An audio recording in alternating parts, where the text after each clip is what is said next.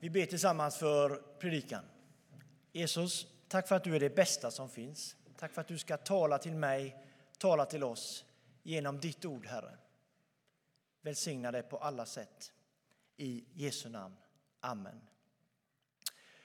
Gud har en tanke med dig som människa. Som vi hörde i texten här så har han skapat oss. Vi kan läsa det i Första Moseboken 1, att han skapade dig som människa och sa att det var gott. Och när Gud sa att det var gott så la han också grunden av det som livet handlar om. Det är att finna en tro på Jesus.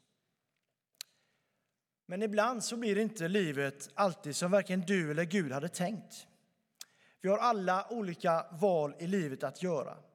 Det ligger i vår frihet som människa att välja. Därför så kan den skapade människan göra val som går emot skaparens vilja.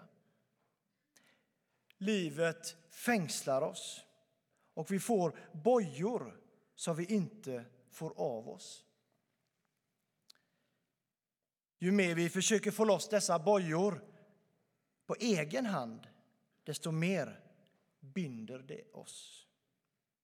Vi kämpar och sliter med livet. Vi är fast i en negativ spiral som inte kommer sluta väl. Och som texten i sången säger, han älskar mig för den jag är. Men inte alltid för det jag gör. För ett eh, drygt halvår sedan så fick jag eh, förmånen att besöka Tidaholmsanstalten och där träffade jag och satt jag mitt emot en välvuxen, tatuerad man. Han hade tatueringar från topp till tå, långt upp på halsen. Och han satt mitt emot mig, mjuk i sitt sätt att vara, smuttandes på en kopp kaffe. Och han berättade för mig om hur han i fängelset hade blivit fri genom att finna en tro på Jesus. En ganska paradoxal bild för mig att sitta med den här hårda utsidan samtidigt så mjuk och härlig på insidan. Det är en bild som jag alltid kommer bära med mig. Jag vet inte om du någonsin har besökt ett fängelse någon gång, eh, varit på insidan. Många kanske av er har sett det på tv, hur det kan se ut i olika serier, hur det kan vara att vara fängslad på insidan, att vara en fånge. Jag fick den möjligheten att besöka Tidaholm och se hur det funkar på insidan.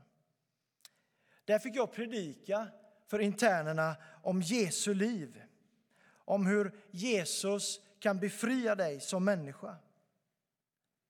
Och Det var speciellt för mig att få möta dessa interner som sitter inne på anstalten mellan tio år och livstid för saker som kanske du och jag aldrig någonsin kommer att få uppleva. Kanske inte ens på film.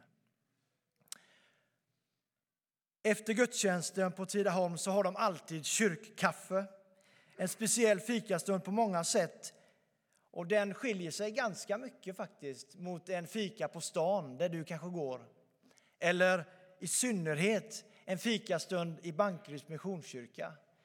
Samtalen handlar inte om vilken slips pastorn ska ta eller vilken golftid han ska ta eller vad han ska köpa för julklappar. Det var inte nummer ett i samtalet.